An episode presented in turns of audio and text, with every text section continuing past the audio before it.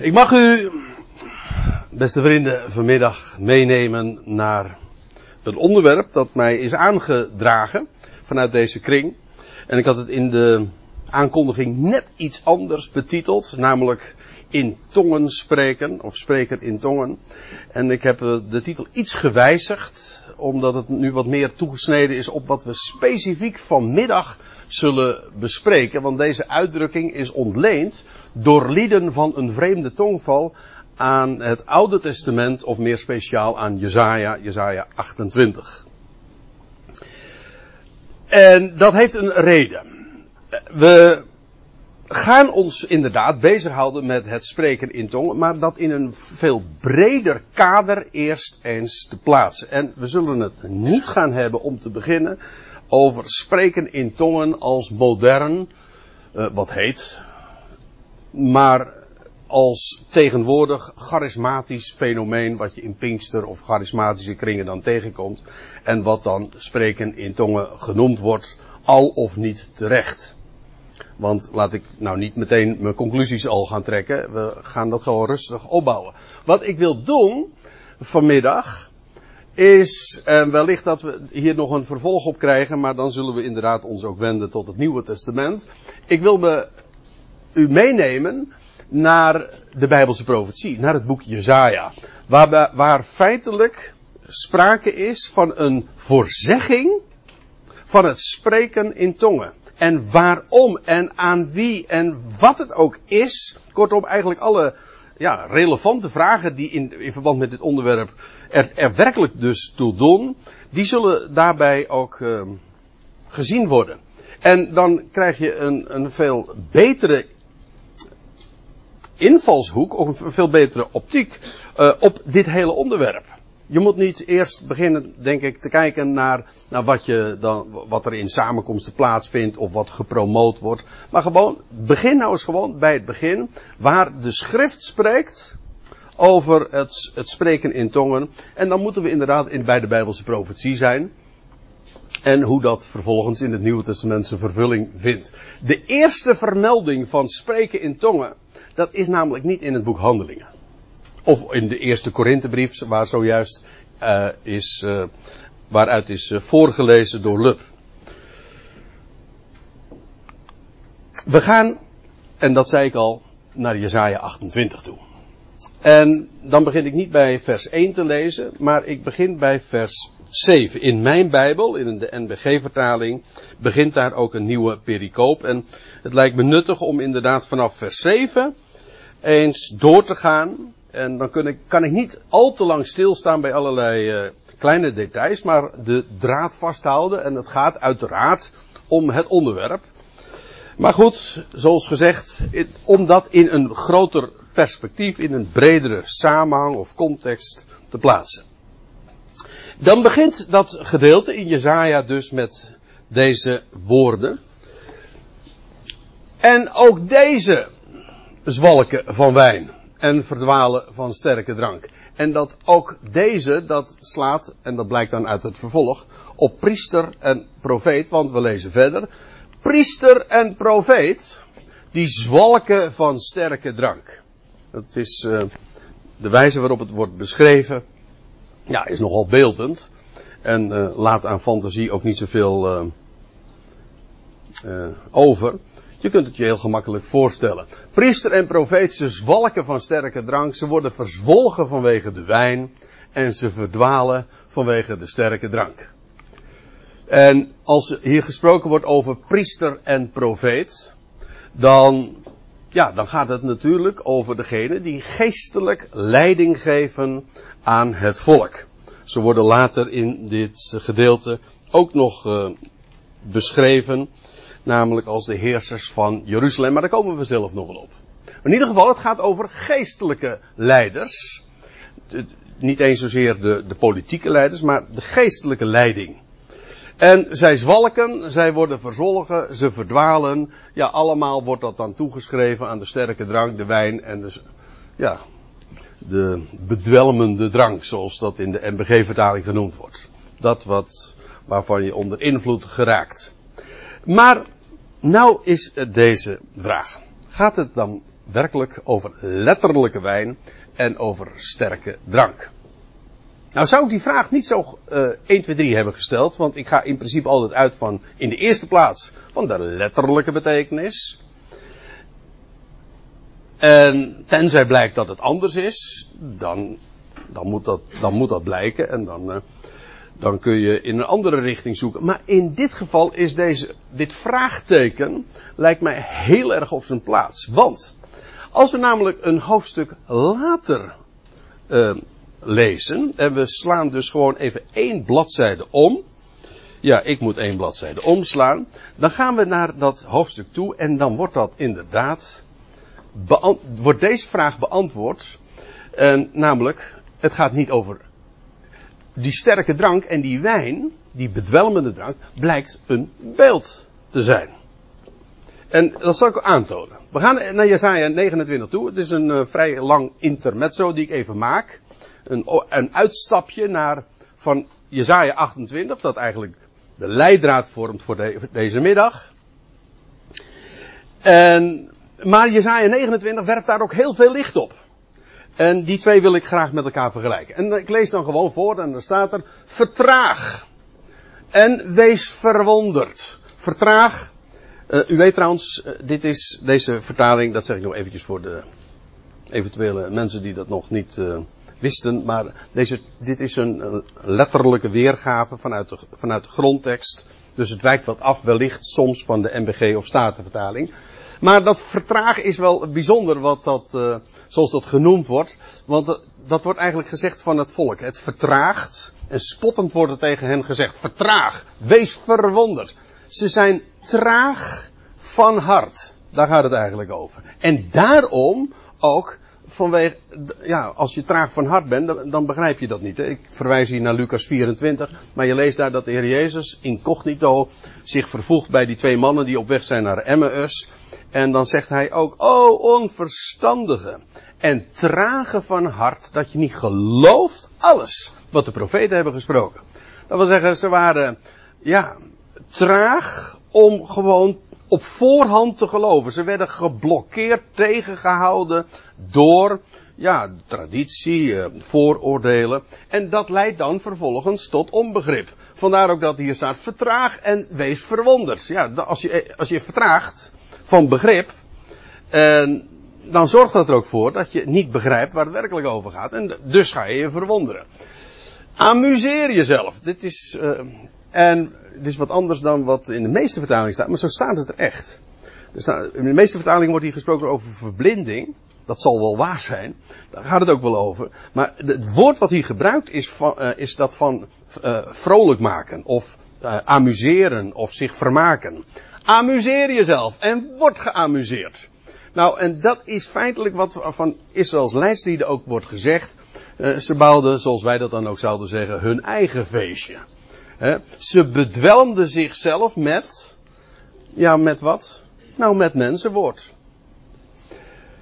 En ze waren ook daarvan letterlijk, zo, zo noemen wij dat ook, onder invloed. Hm? Wij, wij zeggen dat ook, als iemand bedwelmd is, dan is die onder invloed, dan is die niet echt meer bij zinnen. En trouwens, dat geldt voor amusement ook. Amusement zorgt er ook voor dat de mens afgeleid wordt en niet meer echt uh, laten we het zo zeggen, de mens wordt aangesproken dan op zijn, op zijn emoties. Uh, eventueel worden tranen gewekt, maar in ieder geval vermaak. Het is niet zo dat het verstand, het begrip getriggerd wordt.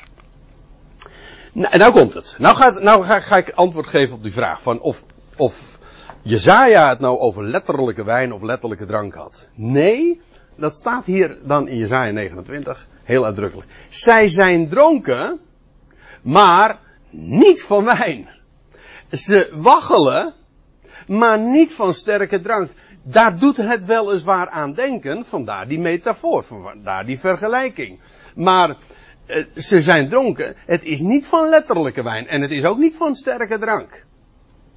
Dus hier in Jesaja 29 vers 9 vinden we het antwoord op de vraag van of het inderdaad over letterlijke wijn of letterlijke sterke drank gaat. Ik lees even verder. Want Yahweh, de Heere, Yahweh heeft over jullie uitgegoten een geest van drank. Uh, sorry. Goh, nou, nou, nou, ben ik, nou ben ik zelf onder invloed.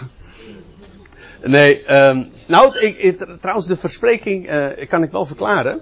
Uh, ja, niet alleen maar vanwege die wijn en die drank, maar ook omdat hier wordt gesproken over uitgegoten. En dat normaal wordt dat woord altijd gebruikt in verband met een drankoffer. En dus bij een drankoffer werd iets, een, een, uh, ja, iets op het altaar, werd er wijn uitgegoten.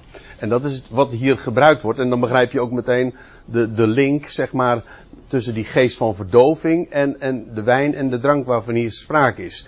Wat, wat hier staat is, zij, en we zullen zien dat het inderdaad over Israëls leidslieden gaat, uh, ze waggelen, ze dronken, ze zijn onder invloed, ze zijn niet helder van geest. Waarom? Wel, Yahweh zelf heeft over hen uitgegoten een geest van verdoving. En dat is feitelijk ook wat bedwelmende drank of, en drugs trouwens in het algemeen doet. Het verdooft een mens. Het zorgt in ieder geval uh, met alle.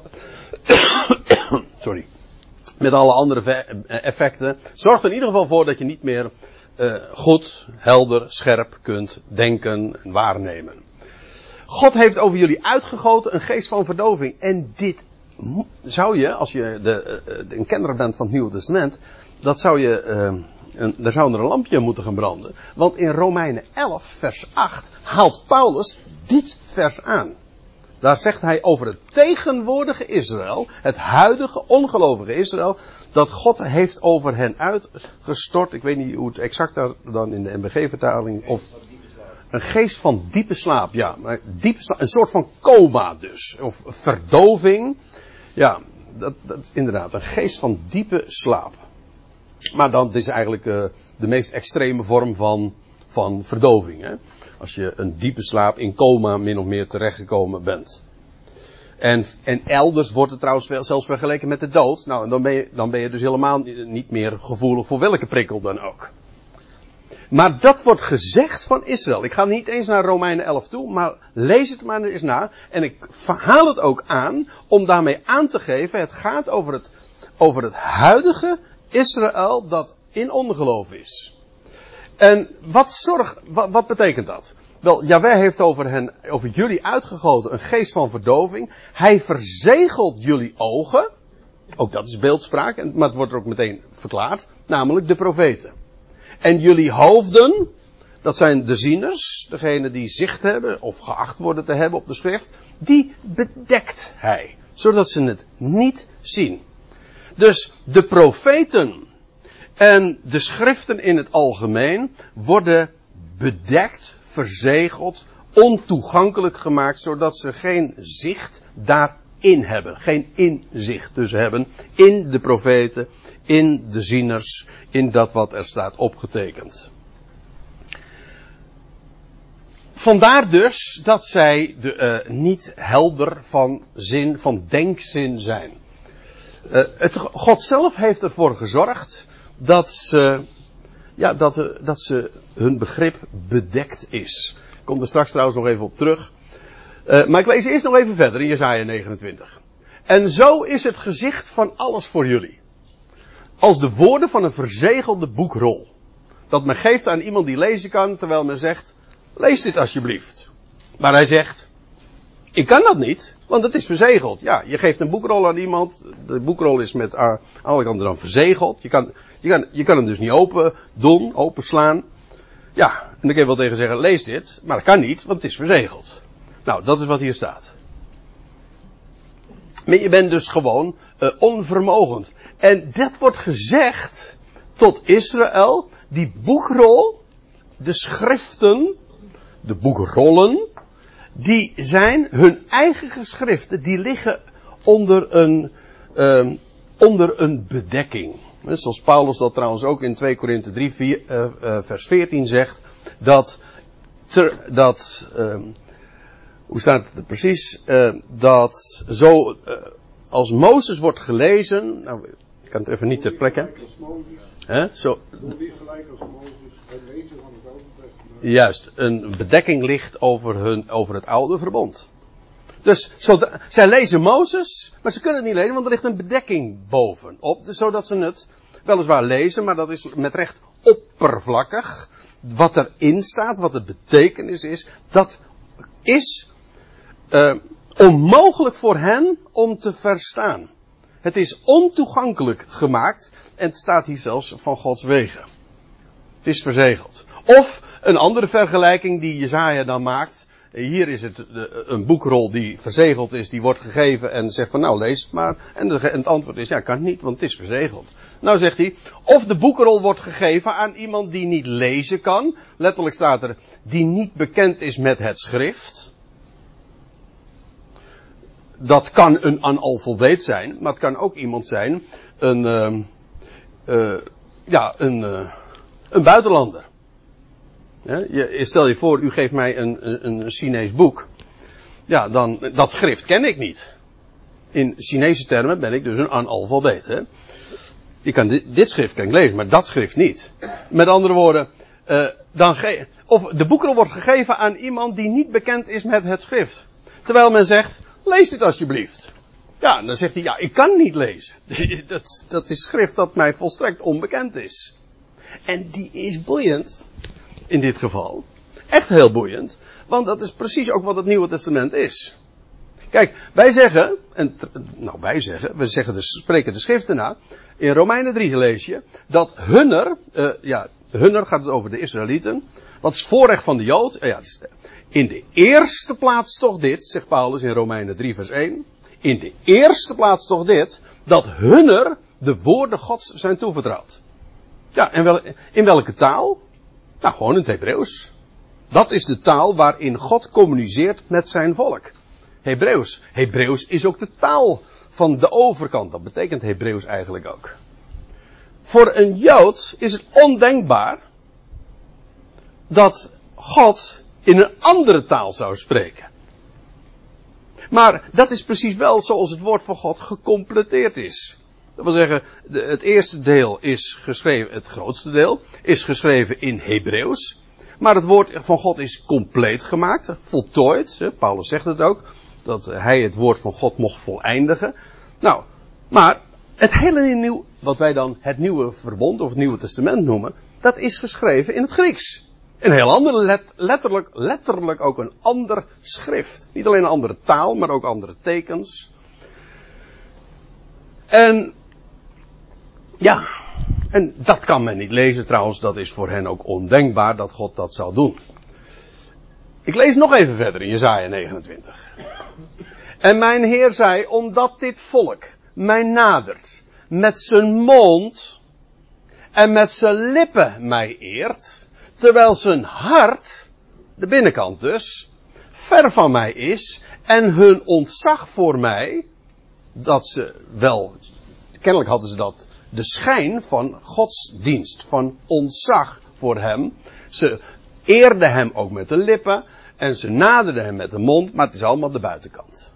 Want het hart, de binnenkant, waar het werkelijk om gaat, dat was ver van hem.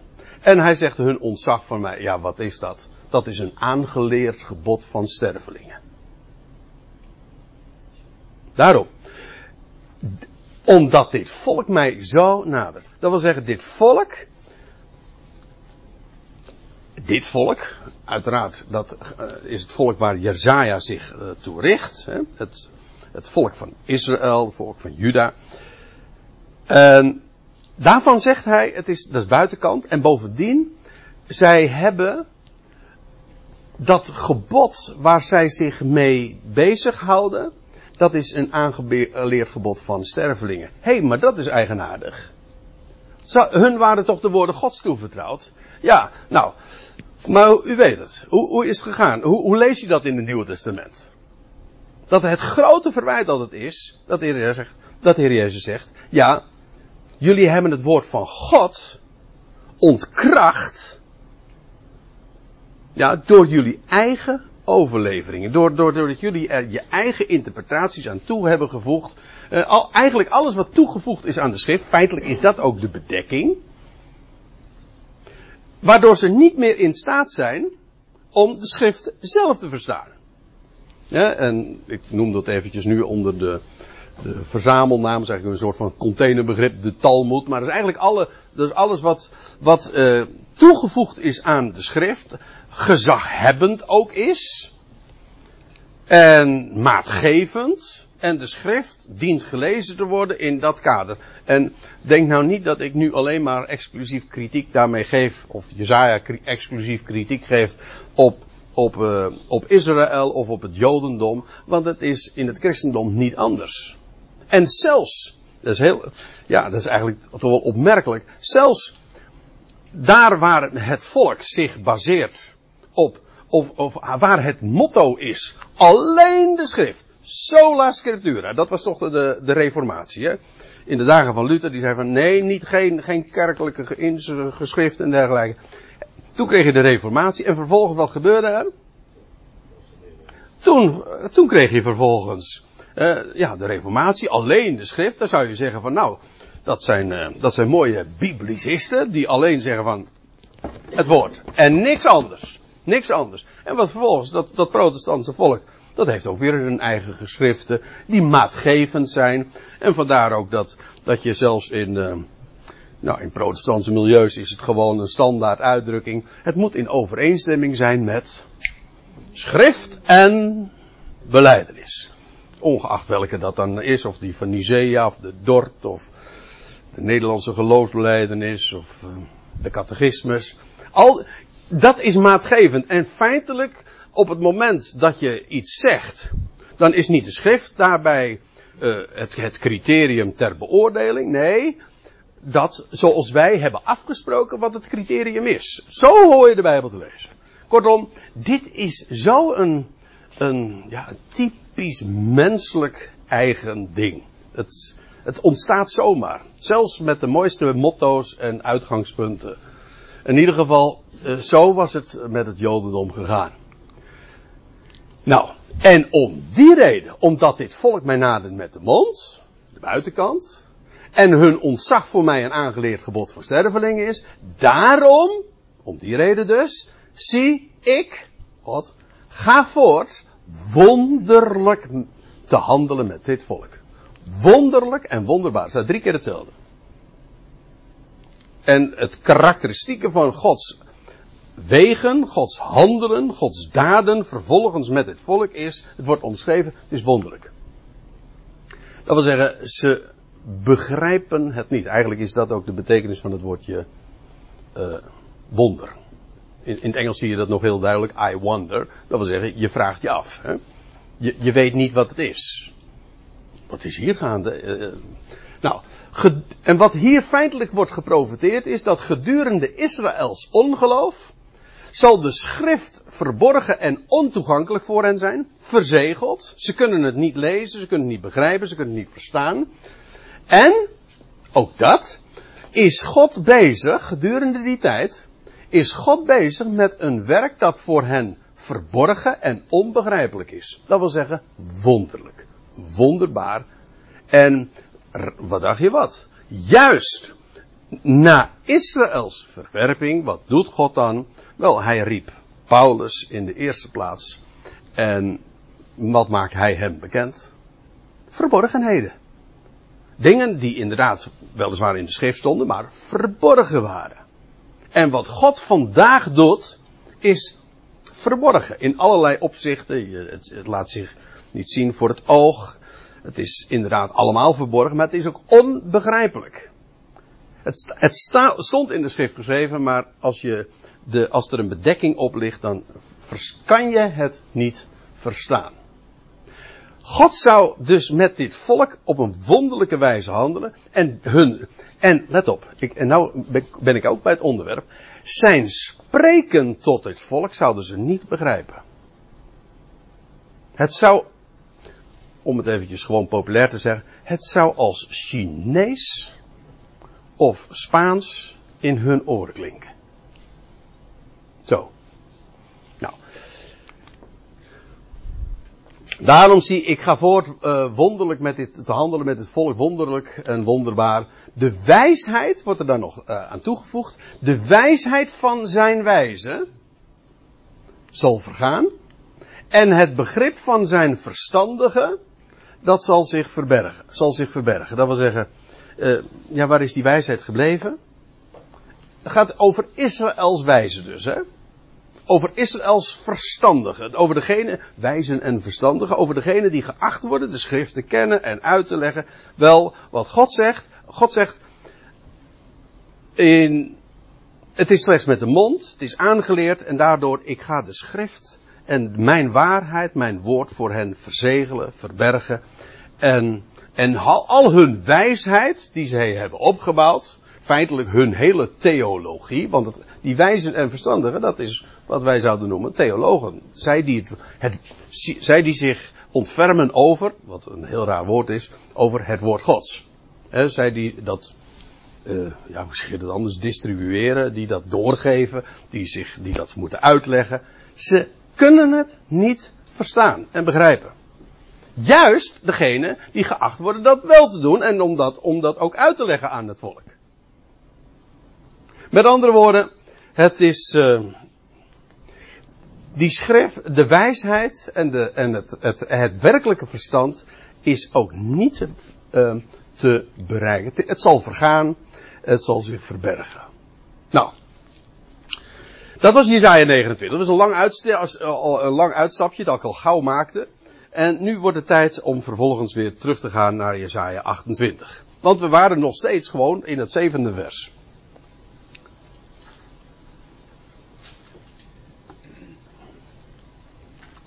En zij, oh ja, dat ging dus over priester en profeet. Die zwalken van sterke drank, worden verzolgen vanwege de wijn, ze verdwalen vanwege de sterke drank. Inmiddels zijn we dus ook wijzer geworden.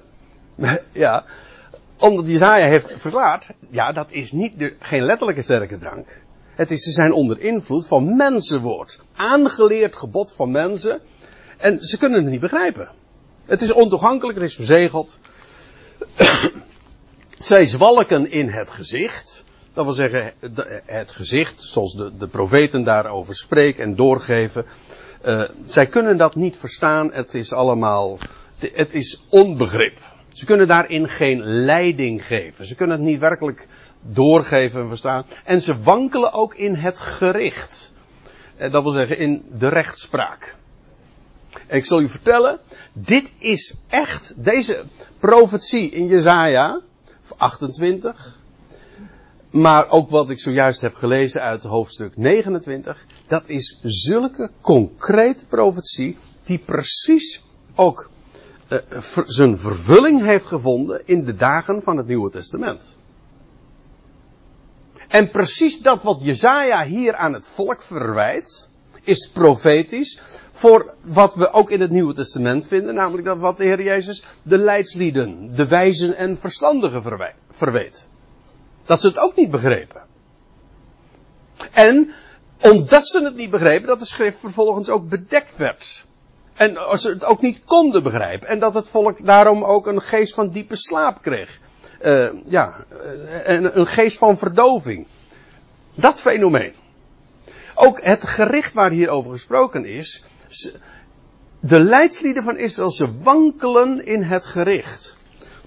Het, ergens anders in Jezaja is, ik, weet niet precies waar, maar daar is sprake over het recht struikelt. Nou, uh, als dat ergens een vervulling ook heeft gevonden, in ultieme zin, dan is dat wel uh, in de veroordelingen tot de dood in de dagen van het Nieuwe Testament. In de eerste plaats natuurlijk toen het Sanhedrin, de geestelijke lijstlieden van Jeruzalem, uh, de Heer Jezus ter dood veroordeelde. Toen struikelde het recht, toen wankelde het recht. Dat was niet recht, dat was krom. Dat waren deals. Dus ik zal het straks trouwens ook laten zien.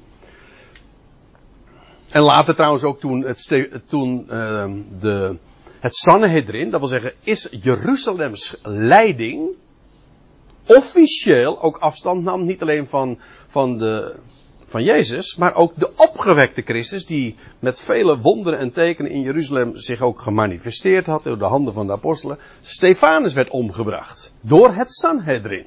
U weet wel, en er was iemand die daar volle, volledige instemming mee gaf. iemand die de, de mantels uh, bewaarde. Dat was Saulus, ja. Afijn, Dat was ook het Sanhedrin. En later trouwens, die Paulus, die in eerste instantie nog de supporter was van de dood van Stefanus. Paulus uiteindelijk is ook door het Sanhedrin, door het Sanhedrin ter dood veroordeeld. Zelfs met een, uh, op een hele afschuwelijke manier. Dat, dat is allemaal wat anders verlopen, omdat de Romeinen daar een stokje voor staken. Maar goed, daar gaat het nu even niet om. In ieder geval, er, er werd gewankeld in het gericht. En ik lees even verder. Um, ja, alle tafels, het, het, is niet zo smakelijk wat ik hier lees. Maar ja, dat is de, de, betekenis van de zin. Ja, alle tafels zijn vol smerig braaksel.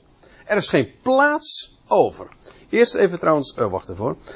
Tafels, uh, dat is in de schrift in het algemeen een, een beeld van uh, het altaar. In Malachi 1 lees je ook dat het altaar, daar wordt genoemd des heren tafel. Eigenlijk is dat ook de plaats waar vanaf de heren eet. En drinkt. Dat is misschien een wat rare beeldspraak, maar dat is echt zoals de Bijbel erover spreekt. Maar meer in, in het algemeen is een tafel de plaats waar voedsel wordt geserveerd. En hier zijn die tafels, alle, alle tafels, dat zijn alle plaatsen waar geestelijk voedsel wordt geserveerd.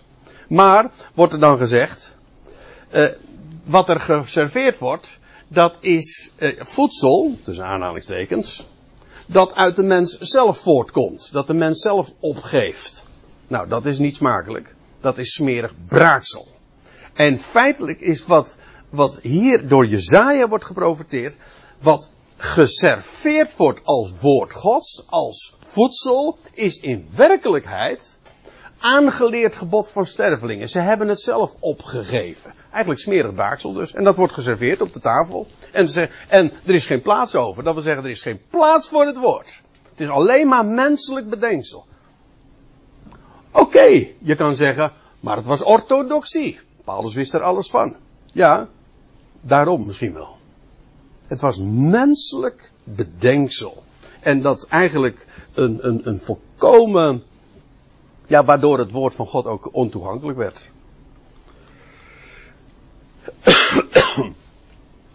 en nou komt er de, een vraag.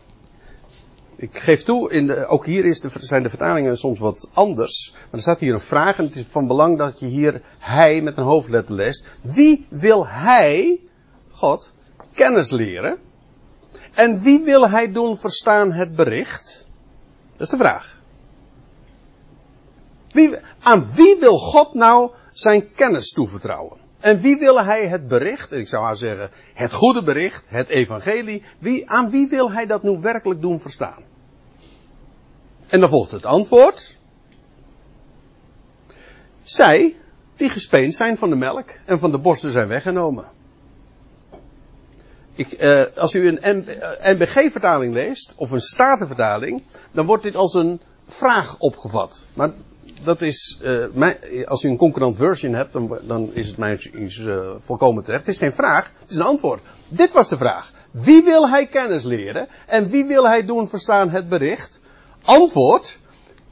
Zij die gespeend zijn van de melk en van de borsten zijn weggenomen. Met andere woorden, uh, niet de, de baby's, niet de geestelijke baby's, de, degene die nog alleen maar melk hebben. Nee, degene die inmiddels uh, de leeftijd hebben en geacht worden vaste spijs tot zich te nemen. Kenners.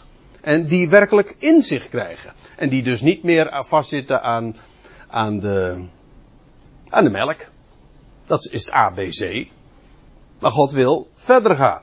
Eigenlijk is, uh, als het mij vraagt, is die melk ook een beeld van het woord van God onder het oude verbond. En die vaste spijs heeft te maken met dat wat verborgen is. De verborgenheid. En dan ga ik nu niet uh, moeite doen om dat aan te tonen, maar vanuit de Hebreeënbrief en de Korinthebrief kun je dat echt zo lezen. Zou het te ver voeren, want dan komen we nog niet bij het onderwerp uh, uit. Maar uh, goed. Die, het antwoord is dus, God wil inderdaad zijn kennis graag kwijt. Maar dan is het van belang dat je niet bij de melk blijft, dat je niet een baby blijft, maar dat je opgroeit. Hè? En dat je inderdaad uh, uh, niet langer meer vastzit aan, aan de borst en de, aan de moedermelk, want daar gaat het natuurlijk over. Hè? Die gespeend zijn, dat wil zeggen, die inmiddels uh, van de, niet meer aan de borst liggen, zeg maar. Sorry? Aan de tabben. Aan de, aan de wat? Is dat in tongen? het, is, het is Urks. Aan de babben?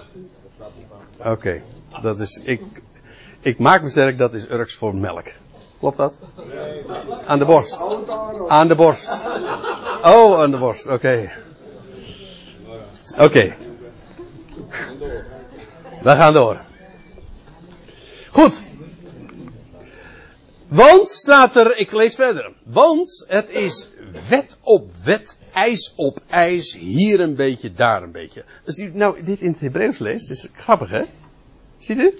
Of, of je nou dit leest, u, u, zegt, ja in beide gevallen ken ik het schrift toch niet. Nee, maar in het Hebreeuws zie je, dit zijn allemaal van die, dit zijn eigenlijk allemaal uh, één lettergrepige woorden.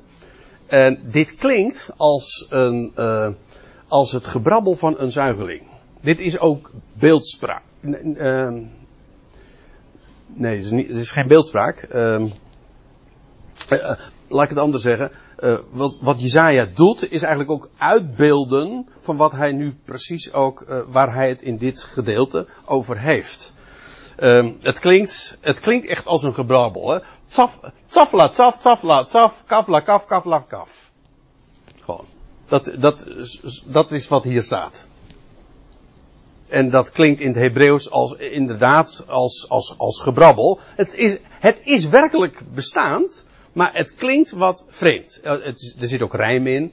Nou, het is wet op wet, ijs op ijs. En dan hier een beetje, daar een beetje. Kijk, het woord dat gebracht wordt, dat bestaat slechts uit wetten en eisen. Wet op wet, ijs op ijs. En bovendien, het, het is hier een beetje, daar een beetje. Het is allemaal heel fragmentarisch. Uh, fragmentarische teksten, hier wat gepluk. Maar het is geen inzicht. Het zijn geen verbanden. Het is niet het geheel dat je, waar, wat je gaat verstaan. Nee, men, men gebruikt het woord slechts eigenlijk als een, als een vehikel om de eigen gedachten uh, op te brengen. Vandaar ook dat het in de vers ervoor nog werd genoemd, uh, vergeleken met, met, met braaksel. Wat je zelf opbrengt. Aangeleerd gebod van mensen. En waar het dan altijd op neerkomt, is dat het niet werkelijk gaat om de schrift. En Gods woord. En zijn plannen. En zijn wijsheid te verstaan. Nee, het gaat er alleen maar om dat de mens uh, verteld wordt, dat mag je wel en dat mag je niet. Weet je wel, allemaal uh, precieze instructies. De Talmud staat er vol van. Het is een opeenstapeling van wetten, eisen, dat, uh, van hoe, hoe, men moet uh, doen. In de kerkelijke orthodoxie is meestal hoe men precies moet denken. Hè, wat men besloten heeft in dogma's en dergelijke.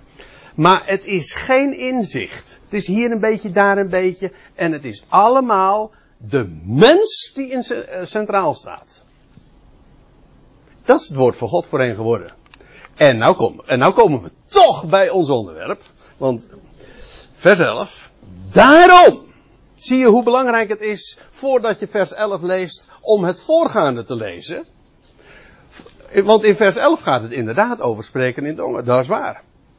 Maar om te begrijpen waarom dat fenomeen zich nou voordoet en aan wie, zul je toch eerst het voorgaande moeten begrijpen. Want dit vers begint met daarom. Om die reden dus.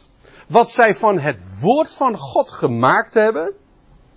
Wet op wet, ijs op ijs. Hier wat, daar wat. Maar het is in werkelijkheid allemaal. Het is verzegeld. Ze begrijpen het niet. Ze waggelen. Ze zijn dronken. Ze hebben geen besef. Ze zijn onder invloed van. Nou, et cetera. Daarom, staat er. Zal hij, God, in een belachelijke taal, dat wil zeggen, in een voor hen lachwekkende taal, voor, voor ik zei al, voor een, in feite voor een, voor een Jood, eh, is het Hebreeuws een heilige taal, en is het ondenkbaar dat God zich via een, via een volk, eh, niet Hebreeuws, een, en een volk dat een andere tongval heeft, is het belachelijk dat God in zo'n tongval tot dit volk zou spreken. Daarom zal hij in een belachelijke taal en in een andere tongval spreken tot dit volk. Ziet u, waar hier, uh, wat hier gezegd wordt. Er is sprake van spreken tot dit volk. Dat wil zeggen, in een buitenlandse taal gaat God tot Israël spreken. En zoals ik zojuist al even kort aangaf, feitelijk het hele Nieuwe Testament,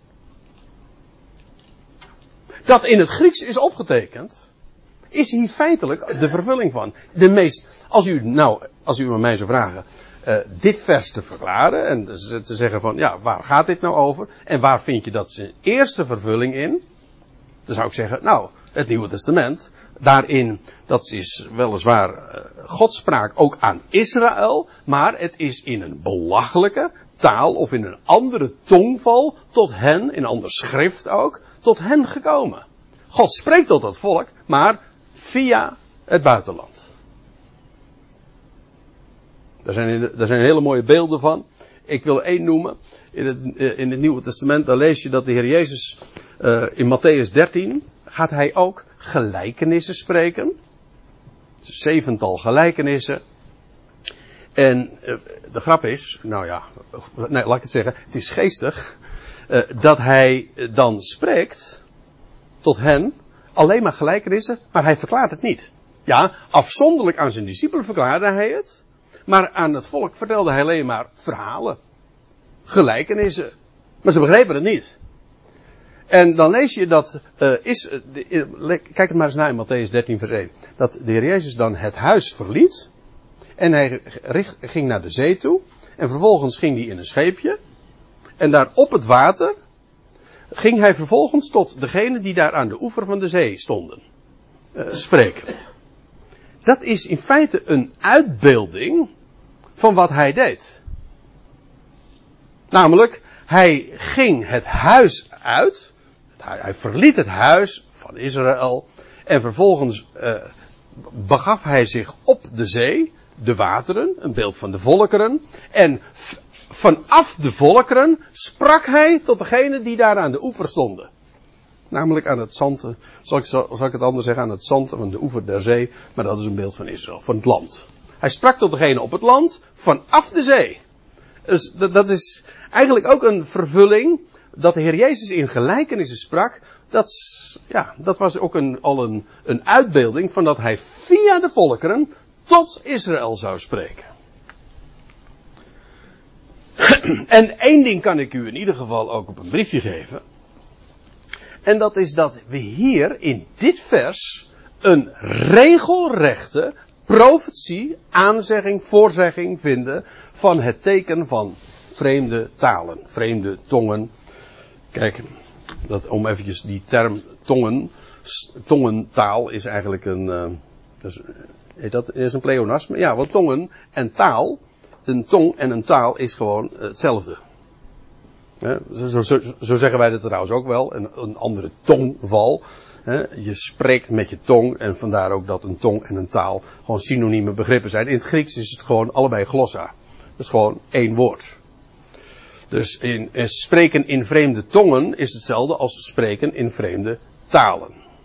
Dus in tongen spreken, daarbij denkt men ook heel vaak, in de moderne vertaling uh, komt dat ook uh, tot uitdrukking. Hoe, hoe noemt men dan daar? de MBV? Klanktaal, ja. Ja, klanktaal, waarbij ook inderdaad de suggestie bevestigd wordt. Ik, dankjewel, zo was het, ja. Klankentaal, waarbij de suggestie bevestigd wordt dat eigenlijk spreken in tongen iets is, je doet het met je tong, maar je, gebrabbel of, het is alleen maar een klank voortbrengend, maar er gebeurt niks. Maar dat is, spreken in tongen, dat is, nou ja, het mag dan weliswaar belachelijk klinken, maar dat is slechts omdat je het niet begrijpt. Als ik nu hier, ja, goh, dat is ook lastig. in, uh, in, uh, want ja, Urk is natuurlijk ook al een eiland en uh, een aparte taal enzovoort. Nou ja, maar goed, laat ik het al even neutraler zeggen. Stel je voor, ik zou in het Chinees tot u spreken. Ja, dan begrijpt niemand dat. Nee, maar dat, dat zou ook belachelijk klinken. Het zou ook niet erg zinvol zijn. Maar ja, als, als hier dan toevallig een Chinees zou zitten. Uh, ja, die, die, voor, hem, voor hem of voor haar zou het inderdaad begrijpelijk wezen. Dus het is heel relatief. Uh, een belachelijke taal, een andere tongval. En God zou spreken via een buitenlandse taal. Dat is wat hier staat. Tot dit volk, Israël. En, nou ja, dat dit inderdaad gaat over uh, dat spreken in tongen. Hè, dat is waar in 1 Corinthië 14, en dan ga ik daar toch even naartoe, kort. Want daar schrijft Paulus dit.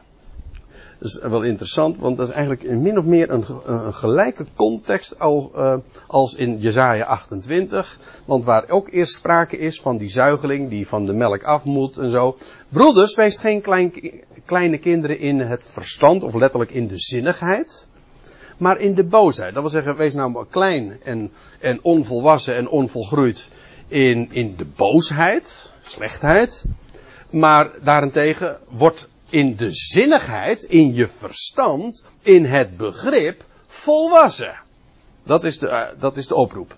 En nou zegt, vervolgt Paulus, in de wet, en dat is eventjes een collectief begrip voor eigenlijk heel de schriften, in de onderwijzing, in, de, in, in het Oude Testament. In de wet is geschreven dat onder lieden van een vreemde taal en onder vreemde lippen ik zal spreken tot dit volk. En toch zullen ze geen gehoor geven aan mij, zegt de Heer. Nou, wat Paulus hier doet in 1 Corinthië 14 is Jezaja 28 aanhalen. Hij zegt dat spreken in tongen, waar jullie het over hebben, wat voor jullie zo populair is, maar eigenlijk ook een zinloos gebeuren was geworden. dat is van origine de vervulling van een profetie.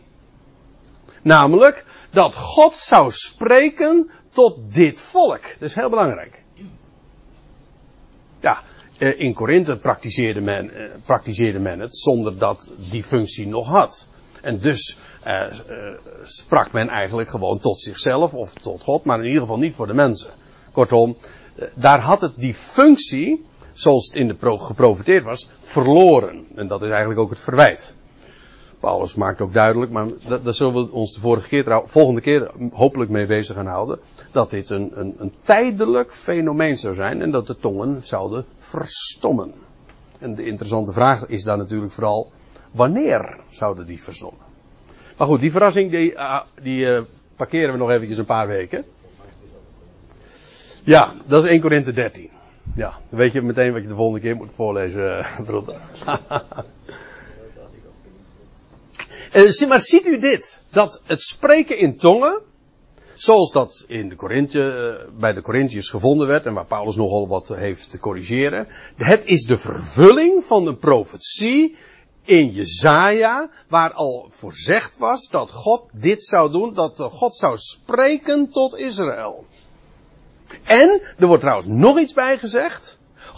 Hij zou dat doen aan een ongelovig volk en ze zouden ze ook daar geen gehoor aan geven. Ze zouden, daar, ze zouden het ook niet begrijpen. Feitelijk is dat eigenlijk ook al logisch, want ze horen het in een taal uh, die de hunne niet is. En toch zullen ze geen gehoor geven aan mij, zegt de Heer. Vandaar ook dat Paulus er dan toevoegt, zodat de talen, of tongen zo u wilt, tot een teken zijn, niet voor hen die geloven, maar voor de ongelovigen. En wel een spe en dan niet eigenlijk zozeer ongelovigen in het algemeen, maar zoals hij al had gezegd, een ongelo dit ongelovige volk. Maar de profetie is niet voor de ongelovigen, maar voor de gelovigen. Nou, het gaat mij even natuurlijk vooral om dat 21ste vers. Daar vinden we inderdaad dat God dus dat teken geeft aan Israël. En ze zouden er geen gehoor aan geven. Trouwens, in het boek Handelingen zien we dat ook. Daar lees je ook dat als daar in Jeruzalem, let op, in Jeruzalem, uh, dat uh, de Pinksterdag aangebroken is, die vijftigste dag. En dan lees je dat men zich in verwondering afvraagt, hoe horen wij hen dan? En ieder in onze eigen omgangstaal, waarin wij geboren zijn. En dan, nou vervolgens dan worden er uh, een, een twaalftal, let op, een twaalftal volkeren en talen genoemd. Wat trouwens ook alweer verwijst naar Israël natuurlijk. een twaalftal volkeren worden genoemd. Die ga ik nu allemaal niet even opzommen. Maar dan vervolgens in vers 12 lees je. Wij horen hen, wij, uit die twaalf volkeren. Die zojuist waren opgezond. Wij horen hen, de apostelen, in onze talen spreken. Van de grootste dingen van God. Met andere woorden, uh, het gaat werkelijk over bestaande talen. En God sprak tot dat volk daar in Jeruzalem, dat, in, dat als pelger, uh, die op pelgrimage waren in Jeruzalem vanwege het Pinksterfeest. God sprak tot Israël, tot dit volk. Je zult het trouwens iedere keer weer aantreffen, ook in het boek Handelingen. God sprak tot dat volk, om duidelijk te maken het, dat het heil ook naar de natieën was gegaan, juist ook vanwege ongeloof van Israël. Nou, daar zit heel wat aan vast hoor, wat ik nu zeg, maar dat is de essentie. En daarom, die profetie die we in Jezaja 28 vinden, is, is, ja, dat is de kiem. Dat is de essentie. Daar, daar vinden we alle op precies voor wie het bestemd is, wat het is, uh, wat de functie er ook van is, waarom het gegeven wordt. Kortom, eigenlijk alle fundamentele vragen die je erover zou kunnen stellen, worden daar al beantwoord. En in het Nieuwe Testament wordt dat vervolgens gewoon bevestigd. Oké, we gaan weer even terug naar Jesaja 28. Hij, die tot hen zei, hij, God, zei tot hen, Israël, dit is de rust. Geef de vermoeide rust. En dit is de verademing. Maar zij wilden niet horen. Heer dat. Zij wilden niet horen. Het, wat het woord van God werkelijk is. En hen compleet ontging. Namelijk, dat is dat het in waarheid. Niet wat zij ervan gemaakt hadden. Maar in waarheid is het rust. En inzicht. Het vertelt wie God is. Niet wat, wat, wat de mens moet doen. Niet de mens staat centraal. Maar hij. En dat is rust. En wat hij belooft. God had ook de rust beloofd. Ja, niet alleen de, de sabbatsrust. En dat van het Messiaanse Rijk. Maar werkelijk de rust in alle opzichten. En zij waren onvermogend. Maar God beloofde hen herstel. En hij zegt, tegen, dat, tegen die man die 38 jaar lang. 38 jaar lang. Um, verlamd was.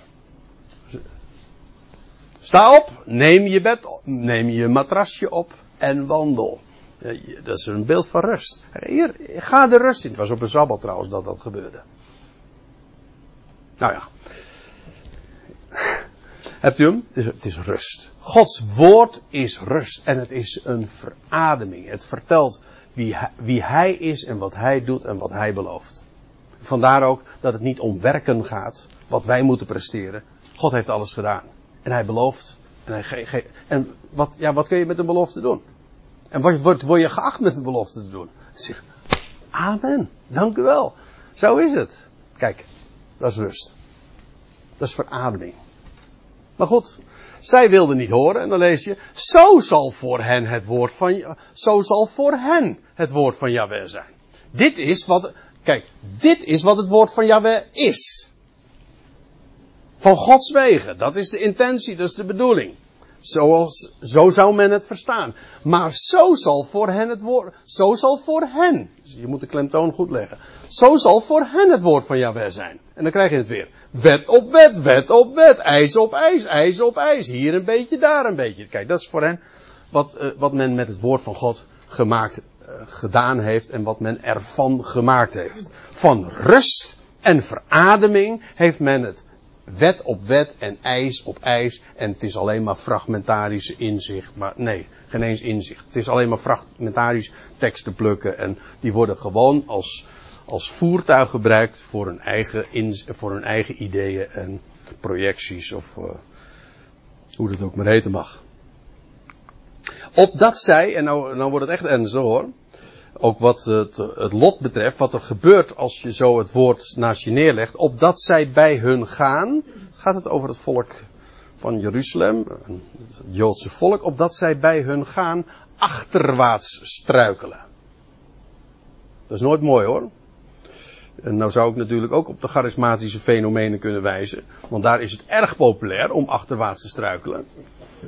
Maar uh, in, de Bijbel is het altijd zo dat als je voorover valt, hè, op je aangezicht, dat is een, uitbeelding van, van aanbidding. Dat is vrij logisch.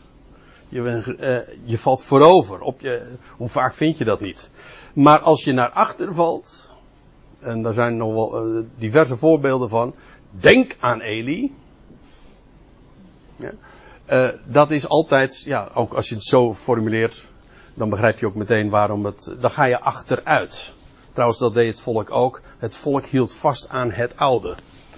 En dat is met recht ook eh, gericht niet op, op ja, om het zo, zo, te zeggen, niet op progressie, op wat, op het nieuwe dat God geeft. Nee, op het oude. En men grijpt terug. Men, men struikelt achterwaarts. En nou, dan wordt er gezegd, verbroken, verstrikt en, worden, en ze worden gevangen. En dit is precies wat er met het volk gebeurd is. In het jaar 30 heeft men, is het recht, heeft het recht gestruikeld. Men was stond, de schriften wilde men niet. Men, de overlevering prevaleerde. En wat er gebeurde is dat men de hun eigen Messias heeft vermoord. En vervolgens, Paul, uh, precies 40 jaar later, is uh, dit gebeurd met het volk. Sinds het jaar 70. De stad en de tempel zijn inderdaad verbroken, afgebroken. En vervolgens zijn ze verstrikt en gevangen geworden. Dat wil zeggen, in ballingschap, gevangen, uh, in de gevangenschap is men onder de natieën gekomen. Dit is letterlijk zo vervuld. Zodat je in deze versen gewoon inderdaad exact een voorzegging vindt van de dagen van het Nieuwe Testament. En hoe het uiteindelijk met Israël is afgelopen. Namelijk dat het inderdaad als natie compleet van de kaart geveegd is. En in de diaspora terechtgekomen is. En, uh, een, een, een afschuwelijk lot Daarom hoort het woord van Yahweh, spottende mannen, heersers van dit volk in Jeruzalem. De van het volk, dat heet, ze spottende mannen. Dat wil zeggen, ze verachten het woord. Dat is het ergste wat een mens kan doen. Namelijk het woord wat God spreekt te verachten en daarmee dat uh, van je te werpen en daar, ja, te verachten. Te, daarmee uh, te spotten. Het, is, de, het gaat hier dus, het wordt heel duidelijk gezegd, heersers van dit volk in Jeruzalem. Omdat jullie zeggen, wij hebben een verbond gesloten met de dood en een verdrag gemaakt met het dodenrijk. Ik geloof dat dit gaat over, als je het nog steeds even houdt bij uh, de hele context, namelijk dat het gaat over een voorzegging wat er gebeurde in de dagen van het Nieuwe Testament. Wel, wat hebben zij gedaan? Wat hebben die heersers in Jeruzalem gedaan? Dat wil zeggen het Sanhedrin, dat, waren, dat is waar toch het, het geestelijk gezag, de leidslieden hun, uh, hun beslissingen maakten. Zij hebben een overeenkomst, ik zeg maar gewoon een deal, een verbond, een, een verdrag gemaakt met de Romeinse machthebbers. In de terechtstelling van hun Messias hebben ze dat gedaan. Denk aan Pilatus, maar ook Herodes als handlanger. Ze hadden een verbond gesloten met de dood, een deal gemaakt, een verdrag gemaakt met het dodenrijk.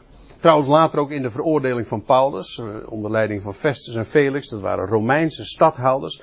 Ze hebben een, een, deal gemaakt, een verbond gemaakt of een verdrag met de dood en het dodenrijk. Ze dachten daarmee veilig te zijn, Wanneer een, maar er staat er, wanneer een overstromende gezel passeert, zal hij ons niet bereiken. Dat was hun idee.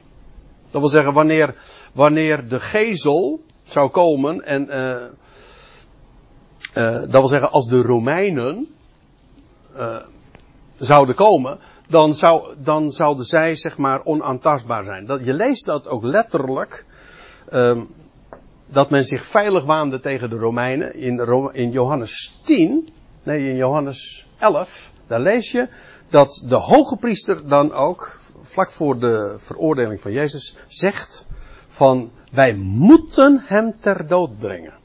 Dat wil zeggen over Jezus.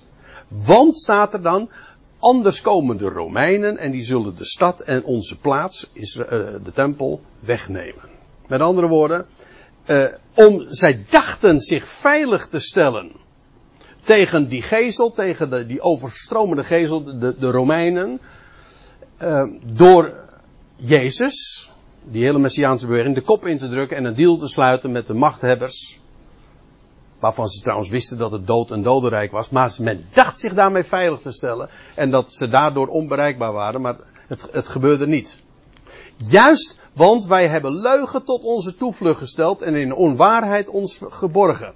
Dat wil zeggen, in die leugenachtige deals die ze hebben gemaakt en verdragen en um, met de wereldmacht, de Romeinen, meende men geborgen te zijn, maar in werkelijkheid was het leugen en onwaarachtig. En het was bovendien nog vals ook, want zoals gezegd, precies een generatie later, 40 jaar later, nadien, is de stad en de tempel weggenomen en het volk is in ballingschap gegaan en er is niets van overgebleven.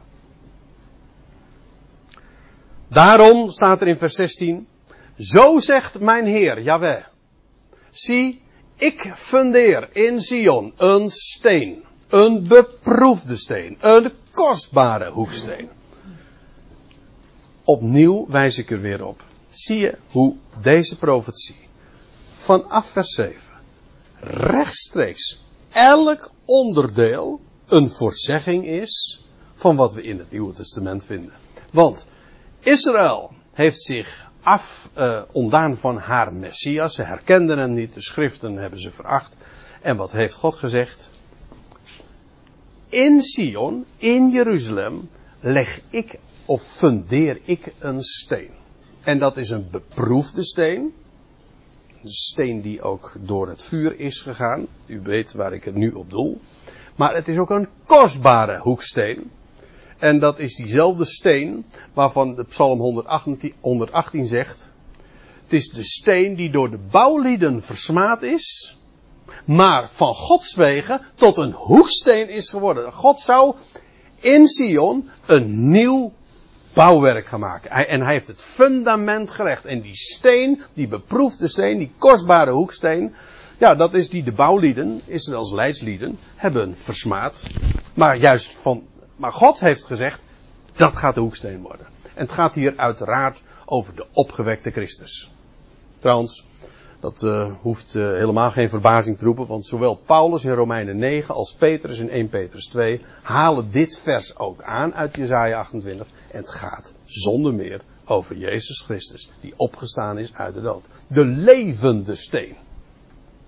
Kom tot hem, de levende steen, door mensen wel verworpen, maar van goden uh, gemaakt tot een kostbare hoeksteen. Zo zegt, zo zegt Petrus dat dan. Dat is die kostbare hoeksteen. Ziet u? Dat is wat God doet.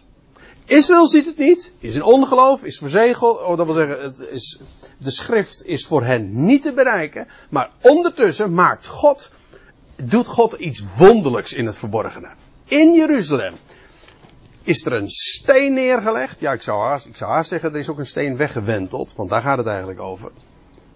Een levende steen. Hij heeft daar een nieuw fundament gelegd. Eigenlijk van een hele nieuwe schepping. En nu is God in het verborgene bezig een werk te doen.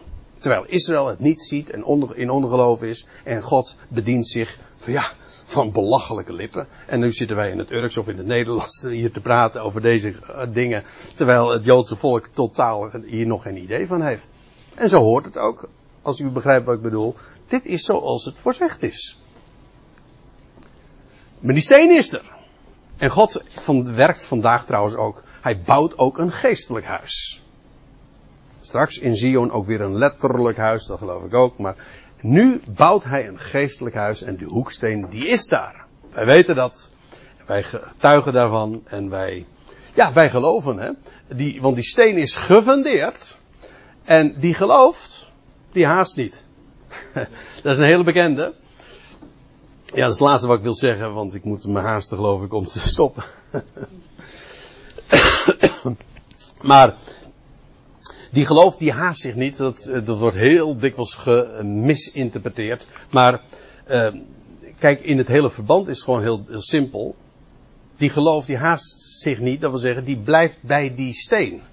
Die gaat daar niet van, die vlucht daar niet van weg.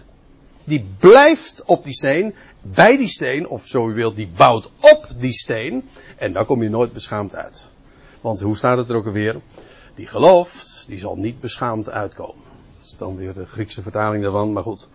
Het idee is, op die steen, ook al is die versmaad door de bouwlieden en dan moet de orthodoxie daar helemaal niets van hebben. Die steen is door God daar neergelegd in Sion.